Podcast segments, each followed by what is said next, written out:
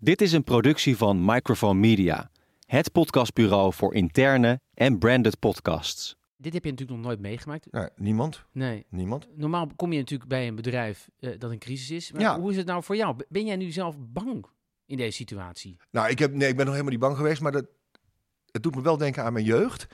Dus in de jeugd, in mijn jeugd Frank, eh, dus, nou ja, toen ik zeg maar op de lagere school zat, hadden alle mensen in Nederland hadden, eh, een hele grote voorraadkast. En je had de bescherming bevolking en die deelden pamfletjes uit en die hadden ook de mensen van aan de binnenkant van de, van de kastdeur.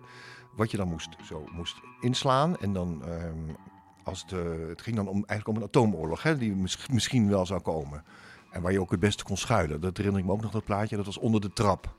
En in de kelderkast, bij de meeste mensen, ja, bij, eigenlijk bij iedereen, stonden eh, rijen vol met eh, wekflessen en eh, blikken. En mensen konden weken, weken, weken lang, zouden ze zelf in staat moeten zijn om hun gezin te eten te geven.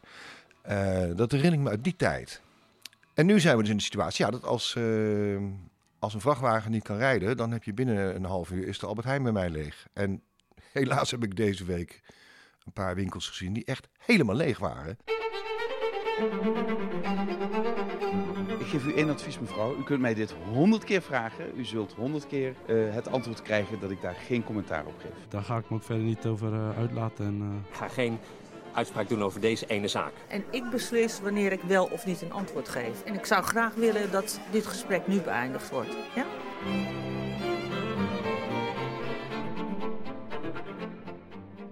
Dit is Geen Commentaar. Een podcastserie over crisiscommunicatie. Mijn naam is Frank Romer. Leuk dat je luistert. Tja, het zijn vreemde tijden. In het eerste seizoen van deze serie blikten we vooral terug op bijzondere crisissen. Maar ja, nu zitten wij, jij en ik, er middenin. En niet zo'n klein beetje ook. Er zijn natuurlijk een paar scenario's te bedenken waarin het totale leven op moeder aarde tot stilstand komt.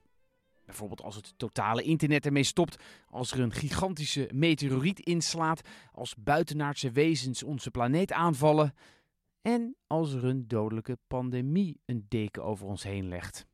En daar zijn we nu helaas aanbeland. In de komende afleveringen van deze podcast blik ik elke week met crisiscommunicatie-expert Charles Huiskens terug op de gebeurtenissen. Werkt de crisisstrategie? Hoe communiceren onze leiders? Wat kan het bedrijfsleven? Wat kunnen ondernemers doen om toch te blijven communiceren? En behoudt het volk wel zijn vertrouwen? Ja, Charles. De coronacrisis. Jij denk ik veel in je leven meegemaakt. Maar zoiets? Volgens sommige definities is eh, crisis the unthinkable that happens. Dus het echt ondenkbare. En voor deze crisis geldt dat zeker. Eh, die coronacrisis is... eh, ik heb ook wel heel veel crisisoefeningen meegemaakt en meegedraaid. Scenario's, terroristische aanslagen, nou je bedenkt het maar. Maar deze niet. Nou heb ik eh, jou eerder gesproken en daar hadden we het over, ja, wat is nou eigenlijk een goed crisiscommunicatieplan? En jij zei, nou, dat bestaat uit drie pijlers. Eén, aanvallen. Twee, creativiteit. En drie, integriteit.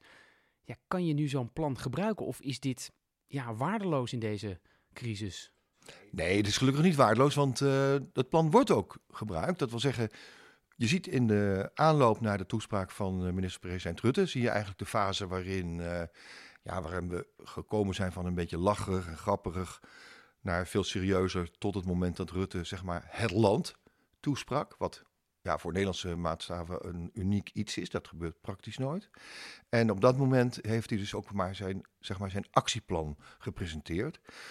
Ehm, dat heeft hij toch ehm, op een creatieve manier gedaan. Dus hij heeft ons zeg maar, als eh, volwassen mensen toegesproken en gezegd: Ja, ik heb eigenlijk drie scenario's voor u. En hij heeft ze alle drie uit de doeken gedaan en vervolgens een keuze toegelicht eh, voor zijn scenario. En ehm, hij heeft ook natuurlijk gezegd: ik, ik, ik reken op u, met andere woorden, ik ben de baas en we gaan het nu doen zoals ik zeg. Maar ja, als we dan terugkomen op dat derde punt, integriteit. Het begon een beetje lacherig. En we geven elkaar geen handen meer. Vanaf dit moment stoppen we met handen schudden. Dus u kunt eh, voet zoenen, u kunt elleboog stoten, wat u ook wilt. Eh, ik zie op scholen allerlei prachtige varianten op het handen schudden al ontstaan. Eh, maar wij stoppen vanaf vandaag met handen schudden. Oh, sorry, dat mag niet meer. Sorry, sorry. Nee, nee. Oh, oh, over, over, over. Ik wil er nog wel. Zo. Ja. Toen gaf hij iemand anders wel een hand, opzettelijk of niet. Het begon allemaal een beetje grappig met, met die ellebogen. Dat is zeker waar. En volgens mij hebben alle mensen die erop terugkijken... hebben ook spijt van eh, die toen een beetje lacherig deden. Je, je hebt ook in het buitenland daar veel voorbeelden van. Onder andere Trump natuurlijk, die er een hele grote grappenmakershow van maakte. Maar zeker ook Rutte. En kijk, afgezien van dit, eh, deze crisis is premier Rutte natuurlijk altijd wel een beetje te veel aan het lachen en aan de knipogen en het grapjes maken. En in een echte serieuze crisissituatie willen we dat natuurlijk niet zien bij onze leider, bij onze premier. Nou, je weet ook wel in Nederland als er iets misgaat, dan roept iedereen achteraf: ja, er, was het gebrek aan regie. Dat komt natuurlijk dat wij dat helemaal niet graag accepteren, leiding en regie. In deze situatie kan het niet anders. En Rutte heeft duidelijk gemaakt: nou, de, de tijd van uh, flauwe grapjes is voorbij. Uh, er wordt niet meer uh, per ongeluk worden er domme dingen gedaan. We gaan nu echt serieus zijn. En ik vind ook wel, ja, wij moeten er in Nederland toch nog steeds met z'n allen van uit kunnen gaan dat bijvoorbeeld de minister-president en, en het kabinet, dat die zulke knappe koppen om zich heen verzamelen. Dat zeg maar de maximale kennis die op een bepaalde dag beschikbaar is, dat die eh, op het hoogste niveau met deze mensen gedeeld is. En dat, dat het kabinet daarop vaart.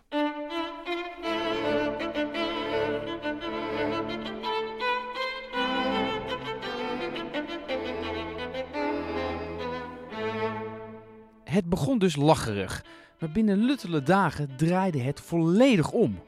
Eerst werden evenementen met meer dan 100 aanwezigen verboden. Vervolgens gingen scholen, cafés, restaurants en nog veel later verpleeghuizen dicht.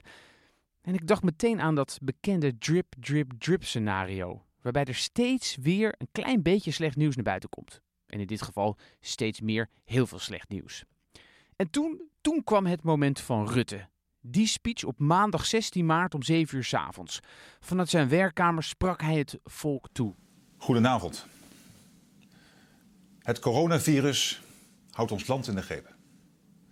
Ons en de rest van de wereld. De media waren er als de kippen bij om dit moment bombastisch te duiden als de Nederlandse variant van The Address to the Nation. En na afloop waren diezelfde media lovend. Wat had Rutte dat goed gedaan? Was dat wel zo? Ja, zegt Huiskens. Hij deed het eigenlijk naar het voorbeeld van Angela Merkel.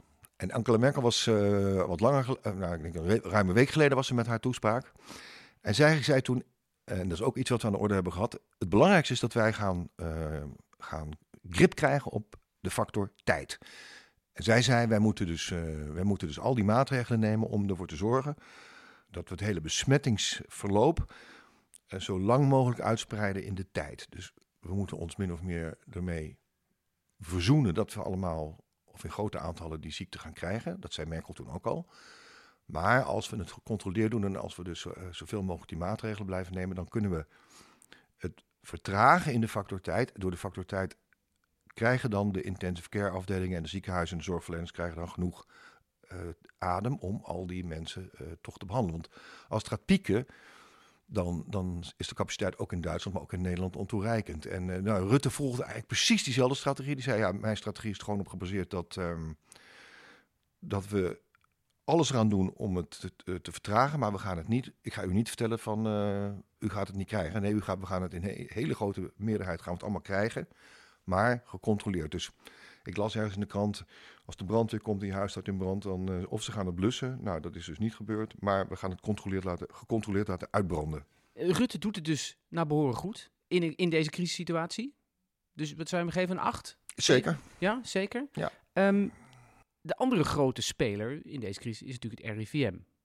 Laten we eens even voor deze crisis was natuurlijk heel veel kritiek op het RIVM. Dan ga ik even terug naar de stikstofcrisis. Heel veel mensen geloofden de cijfers niet van het RIVM. Uh, en, en in aanloop naar deze crisis uh, zijn er verschillende tweets uitgegaan van het instituut. Die zijn ook deze week verschenen in verschillende media. Waarin ze toch een beetje, ja, ook weer een beetje lachwekkend doen in, in de trant van... nou, het zal wel niet zo ver komen zoals in China. En de kans dat het in Nederland gebeurt is heel klein. Het is ook echt niet zo heel besmettelijk van mens tot mens. Daar is toch best wel veel kritiek op nu uh, in de trant van... ja, luister, RIVM zei toen dit en nou opeens is het zo. Dus hoe kunnen wij nog dat instituut geloven? Weet je, het is toch een beetje als je denkt aan Churchill eh, en de crisis. Die zei op een gegeven moment, oké jongens, we gaan nu beginnen. Hè. Op 10 mei werd hij in 1940, toen, de, toen hier de Duitsers binnenvielen, was toevallig dezelfde dag dat hij eh, prime minister werd. En hij, laten we maar ophouden om te zeuren over het verleden. We gaan vanaf vandaag gaan we eh, nu wat anders doen en die oorlog winnen. Ehm, Churchill besteedde eigenlijk heel weinig tijd aan het afrekenen met mensen uit het verleden, het wijzen op fouten die ze hadden gemaakt. Hij zei: Ik vergeef alles. Ik praat er niet meer over, we gaan gewoon beginnen. At this time I feel entitled to claim the aidable. And I say, come then, let us go forward together with our united strength. In deze situatie hier in Nederland nu zou ik daar ook voor, voor zijn, om, omdat je gewoon heel veel mensen kan terugpakken op hun woorden die ze gebruikt hebben. En dan moet je eerlijk gewoon zeggen, ja, niemand had eigenlijk in de gaten, nou ik in ieder geval niet, maar ook in mijn omgeving, hoe dit uit de klauwen zou lopen. Dus heel veel mensen, en dan kan je wel zeggen, ja, maar Charles, met RIVM, dat is niet zomaar wat. Nee, dat snap ik wel. Maar het heeft inderdaad een hele lange tijd geduurd voordat de volle ernst van, van de dreiging uh, ook bij het RIVM duidelijk was. Dus ik, ja, ik zou bijna zeggen, we moeten ze maar vergeven voor de domme dingen die in het verleden, die je misschien ze gezegd hebben. En dat geldt, dat geldt ook voor, voor, voor mezelf en voor weet ik veel. We hebben allemaal misschien het wel onderschat. En nu zitten we in de huidige misère. En nu, nu moeten we er met z'n allen uitkomen. En toch, in de communicatiestrategie is het ook vaak zo, wat je zegt moet kloppen. Ja, dat moet kloppen. Je moet, ja, mag natuurlijk nooit jokken. Nee, dat klopt. Maar ja, de, de feiten, omdat het natuurlijk een nieuw virus is, die, die, als ze naar buiten komen, zijn ze eigenlijk al achterhaald. Dus hoe, hoe kan je dan toch daadkrachtig communiceren? Als je dus die feiten de hele tijd ja, per dag verschillen. Ja, je noemde ook al dat drip, drip, drip scenario. Dat is eigenlijk, het, dat is eigenlijk een nachtmerrie scenario voor veel bedrijven en organisaties. Dat is als je begint met van, nou, dames en heren, ik ga u vertellen, uh, dit en dat is de crisis en dit is er allemaal gebeurd. En dan noem je dat schoon schip maken. Ik maak nu, alles komt naar buiten, klaar. En dan de volgende dag komt er weer iets. En de volgende dag komt er weer iets. Maar dat is nu eigenlijk niet zozeer aan de orde. Want de premier heeft gezegd: ja, nee, maar we moeten wel er rekening mee houden dat we nog de komende tijd heel veel meer extra maatregelen zullen moeten nemen, misschien. Uh, die, zullen we ook nemen. En er is er niet de suggestie gewekt van: nou, we zijn er. We hebben nu eigenlijk het, het lek boven water. Want dat drip, drip, drip scenario, zoals we het nu meemaken, dat we toch iedere dag weer overal uit de wereld weer slecht nieuws krijgen. Um, dat heeft de premier ook wel ingecalculeerd in zijn boodschap. En ik denk dat de meeste mensen ook wel aanvaarden dat iemand die nu zegt, nou ik zal je totale beeld schetsen en dat is het, dat zo iemand is ongeloofwaardig. Want wij weten allemaal dat, uh, ja, dat er om ons heen landen zijn waar nog heel wat rare dingen kunnen gebeuren. En trouwens in ons eigen land ook. Goed, ik zat dus fout met dat drip-scenario. Toch is er in deze crisis ook weer een echte les. Think the unthinkable. En die fout hebben we, of althans het Westen, eerder gemaakt. Weet je, er is een rapport gekomen na de aanslagen op de Twin Towers, een 9-11 Commission Report in Amerika. En dan zegt eigenlijk uh, de commissie die dat allemaal onderzocht heeft, die zegt, wij zijn gewoon tekortgeschoten in onze verbeeldingskracht. We hebben van alles nog wat uh, geoefend, maar we hebben er nooit bij stilgestaan dat iemand vliegtuigen zou kapen en daarvan een soort vliegende bommen zou van kunnen maken om gebouwen binnen te vliegen. En dat is eigenlijk toch een tekortschietende verbeeldingskracht. En de, toerist, de terroristen zijn dus uh, creatiever en inventiever geweest dan wij met z'n allen ooit hebben kunnen bedenken. Dus ook dat 9-11 scenario was totaal niet ooit geoefend en er was niemand ooit op voorbereid. Ja, aldoende uh, leer je, maar je ziet dus nu dat het toch nog steeds mo mogelijk is om een crisis te, mee te maken die nog nooit van tevoren uh, ook, maar, ook maar in de buurt van dit, dit scenario geweest is. Een belangrijk aspect van crisiscommunicatie is natuurlijk lichaamstaal. In een eerdere aflevering hadden we het erover hoe belangrijk het is dat je uitgerust bent. Dit gesprek met Charles nam ik op op donderdag 19 maart om 3 uur. Slechts letterlijke uren voordat minister Bruins opstapte. En Huiskens zat er niet ver naast. Minister Bruins is natuurlijk ja, achterover gezakt tijdens dat debat. Uh, hij zou er vandaag weer zijn, is er niet. Uh, waarschijnlijk morgen ook niet. Ja, wat is dit nou voor een signaal? Hoe moeten we dat interpreteren? Dit is een zeer zorgelijk signaal, omdat, uh, en het kan gebeuren, omdat we allemaal mensen zijn. En een team, een crisisteam, bestaat ook uit mensen.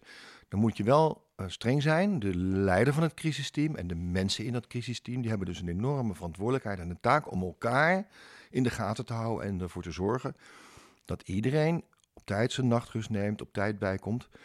Uh, vooral voor de leider van het crisisteam is het gewoon vooral belangrijk. Zeg, let wel op, neem je slaap, neem je rust. En, uh, want wat heb ik straks als jij doorbrandt of een burn-out, hoe noem je dat tegenwoordig? Dan, nou, zoals je ziet, dan stort iemand letterlijk uh, in elkaar. dat is zeer pijnlijk voor de persoon zelf. Maar, en hij roept natuurlijk ook heel meteen op Twitter: Ik ben er morgen weer. Maar dat is natuurlijk niet zo. Dit is een, dit is een signaal dat je behoorlijk serieus moet nemen. Dus je moet ook echt serieus je rust nemen. En de vraag is zelfs of je niet, als, je, als, het, als het niet heel snel goed komt, dus in een kwestie van enkele dagen of weken, dan moet je misschien aftreden en zeggen: um, Mijn gezondheid laat niet toe dat ik langer deel uitmaak van dit crisisteam of van deze functie in deze huidige fase. Maar ja, wat doet dat met het vertrouwen van een volk als de minister aftreden omdat hij het niet aan kan? Ja, maar dat is menselijk. Um, het is gebeurd en we zijn allemaal mensen. Um, Alleen moet je wel heel eerlijk zijn. Je moet zeggen, we moeten wel echt uh, als, als, als samenleving ervan op aankunnen dat er iemand die job doet, die gekwalificeerd is en die fit is en die creatief is en die zijn koppetje erbij kan houden. En als de minister uh, ertoe zou besluiten dat hij uh, dat op dit moment niet, voor langere periode niet kan, dan moet hij natuurlijk aftreden. Ik, ik moest ook denken aan Hillary Clinton, in natuurlijk de race tegen Donald Trump. Op een gegeven moment, die zakte ook in elkaar. Ja, was ook trouwens, kijk, Frans de Waal, hè, die geweldige Nederlandse wetenschapper, die heeft al lang uitgelegd dat de verschil tussen de apen en de mens is dat wij kunnen praten en de apen niet. En die verschillen doen er eigenlijk niet toe. Dus wij beoordelen altijd voor 80% eerst wat we zien. Dus als wij een vrouw zien of een man zien die uh, lichamelijk er slecht aan toe is, in elkaar zakt, dan weten wij, dan is er een signaal in ons die zegt, wat wij ook te horen krijgen en wat iemand ook zegt, wij zien dit en dit is een signaal dat het niet goed gaat. En dus je moet altijd eerst natuurlijk het vertrouwen verdienen door wat de mensen zien. En pas daarna gaan ze naar je luisteren. Dus wat dat betreft um, heb je gelijk, lijkt het inderdaad op Hillary Clinton. En die nou, mede daardoor ook uh, die uh, verkiezingen verloren heeft, toch? Ja. Uh, denk je dat het mogelijk is dat de vertrouwen van het volk ja, toch een beetje keert tegen, tegen dit kabinet door bijvoorbeeld zoiets, wat natuurlijk nee, heel menselijk is. Nee, dat vermoed ik niet dat, dat het kabinet uh, daardoor uh, steun zou verliezen. Kijk, Rutte, die is natuurlijk de baas en uh, hij gedraagt zich nu ook eindelijk als de baas. Dus geen grapjes meer, geen onzin meer, geen flauwekul meer. Hij kijkt streng, hij ziet er netjes uit en hij zit keurig in het uh, beschaafde, sobere Hollandse kamertje. met een portret van Thorbecke achter zich. En dus als er iemand in dat team lichamelijk in het probleem komt door, door stress, oververmoeidheid. Oké, dat zij zo, die dat vangen we op. Uh, het belangrijkste is natuurlijk dat de, de baas, Rutte zelf, dat die fit en gezond blijft. Is hij is in topconditie en je ziet ook dat hij... Ja, we zien dus, hè, we, nogmaals, de messenger is more important than the message. We zien dus een vent uh, in, in zijn glansrol, dat zie je gewoon. En daarna gaan we naar hem luisteren. En, en, maar we hebben eerst de beslissing genomen dat we op hem gaan vertrouwen. Als we dat zelf nou eens gaan toepassen op de basis van het RIVM, nou, is precies hetzelfde. Dus dan zie je iemand, zeg je, zit je te kijken naar die man, denk je, ja, dat geloof ik wel. Dit is een man. Uh, dat is een wetenschapper. Dat is, uh, dat is niet een of andere ijdeltuit. Dat is niet een of andere man die uit is op, um, op, op, op, op, eigen gewin of die andere belangen behartigt. Dit is een man die oprecht gaat vertellen hoe het zit. Uh, en dat vertrouwen straalt hij uit. En daarna ja, geef je hem dat ook. Jaap van Dissel, die vertrouwen we dus, zegt Huiskens. En ook al is het pijnlijk, het aftreden van Bruins is noodzakelijk om de grip op deze crisis te houden. Want uiteindelijk is Rutte de man. Hij moet ons er doorheen leiden. En als ook hij omvalt, ja, daar durf ik niet aan te denken, maar dan hebben we echt een vertrouwensprobleem.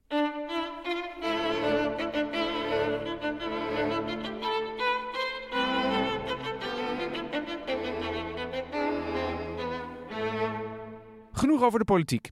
Laten we eens kijken naar de communicatie van het bedrijfsleven. En dan ook vooral naar de interne communicatie. Want hoe kun je überhaupt nog communiceren als je hele bedrijfsvoering op zijn gat ligt? Als je niet weet of je over drie maanden überhaupt nog bestaat. Natuurlijk zijn er de noodpakketten, maar toch. Heel veel bedrijven zullen failliet gaan. Heel veel bedrijven zullen niet in staat zijn om gebruik te maken van, uh, van handreikingen die er wel degelijk misschien zullen komen. Maar dat gaat zo snel dat uh, tegen de tijd dat je dan je eerste financiële lucht of steun krijgt, dan ben je er al niet meer. Nee, nou bijvoorbeeld uh, mijn uh, wijnhandel, die levert voor 70% aan de horeca, aan strandtenten, aan restaurants. Om te beginnen is eh, zijn omzet nu nul. Want er worden door die partijen geen bestellingen meer gedaan. En ten tweede, alle rekeningen die nog openstaan, die worden op dit moment niet betaald.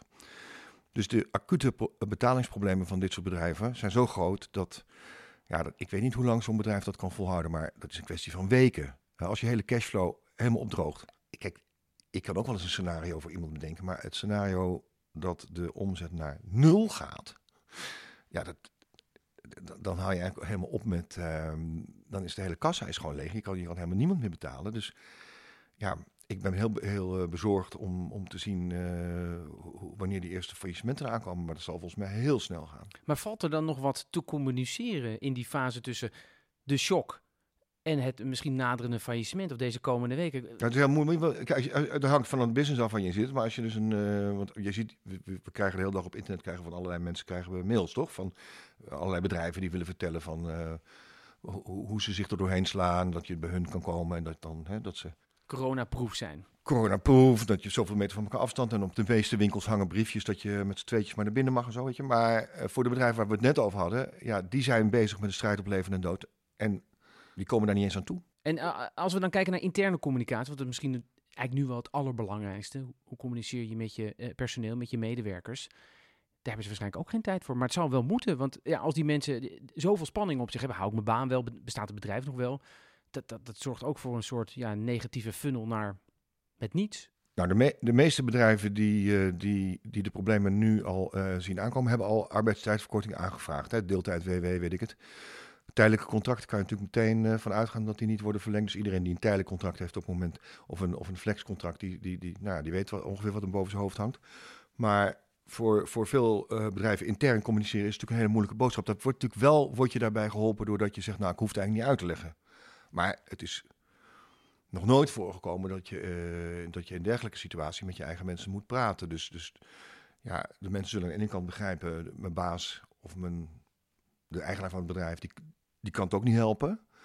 Eh, aan de andere kant, ja, het is iedere keer weer een enorme klap als jij gewoon naar huis moet. En, eh, of je moet de WW in, of de deeltijd WW, of weet ik het ook.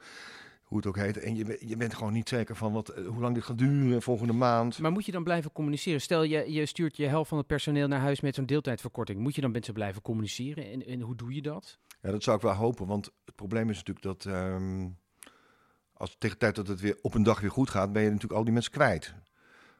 Als je voetbalelftal bent, bent je mag niet eh, trainen. Eh, het orkestgebouw, het eh, concertgebouworkest mag niet repeteren. Ja, eh, hoe lang kan dat goed gaan? Dus, dus eh, als je de mensen naar huis stuurt, w- krijg je ze nog weer terug. En hoe lang heb je nodig om ze weer eh, op het pijl te krijgen waarop ze draaiden toen dit begon? Dus je moet op de een of andere manier in die communicatie blijven. En dat kan eigenlijk alleen maar met social media en internet, toch? Want eh, we mogen elkaar niet meer zien. Nee. Nee, maar het is ongelooflijk. Dus je, aan de ene kant vecht je voor het bestaan van je bedrijf. Aan de andere kant moet je denken, ja, maar ik moet wel zorgen dat die mensen goed geïnformeerd zijn. Want elk bedrijf neemt natuurlijk andere ja, maatregelen. En elke communicatie is natuurlijk weer anders bi- binnen elk bedrijf. Ja, maar denk je als je toch een baas hebt die gewoon eerlijk is en die zegt: Ja, eh, lieve mensen, ik weet het ook niet, maar ik, kan jullie, eh, ik wil u ook geen zekerheden geven die er niet zijn. Kijk, wat, ik, wat een absolute blunder was, was natuurlijk die, die uitspraak van Wiebes. Die zei van ja, kijk, het heeft allemaal van die zelfstandigen. En die hebben natuurlijk zelf voor gekozen. Dus dat ze een beetje meer risico willen lopen. En eh, daar gaan we nou ons niet heel erg nu druk om maken. Kijk, dat is natuurlijk niet de manier waarop je op dit moment wil worden toegesproken. Ook niet door je baas, maar ook niet door, de, door het kabinet. Dus dat heeft Rutte gelukkig kunnen rechtzetten in zijn toespraak. Want je ziet toch ook wat mensen uitgeleiders maken. Ja, precies. Daarna kwam natuurlijk de persconferentie met Koolmees, Wiebes en Hoekstra over die maatregelen. He- hebben ze dat een beetje recht kunnen zetten, die blunder van eh Wiebes? Ja, daar hebben ze wel hun best voor gedaan. Daar hebben ze wel hun best voor gedaan. Ja. En ik geloof dat het wel gewerkt heeft. Ja. Ja, ja, maar ja, goed. Ik wil ook niet te streng zijn. Sommige mensen maken blunders en dat is ook niet helemaal te voorkomen. Ehm, maar je moet wel goed opletten wat je zegt. Want je praat wel over eh, mensen, me- eh, mensen van vlees en bloed die gewoon aan het eind van de maand in enorme proble- problemen komen. Nou, de- dat is niet, dat is niet oké als je die zo toespreekt. Dus dat is ook echt een fout. Dit was geen commentaar voor deze keer. Volgende week nemen Charles Huiskens en ik de week weer door. Kijken hoe we er dan voor staan en of de communicatie effectief is geweest. Of niet. Mijn naam is Frank Kromer. Tot de volgende keer.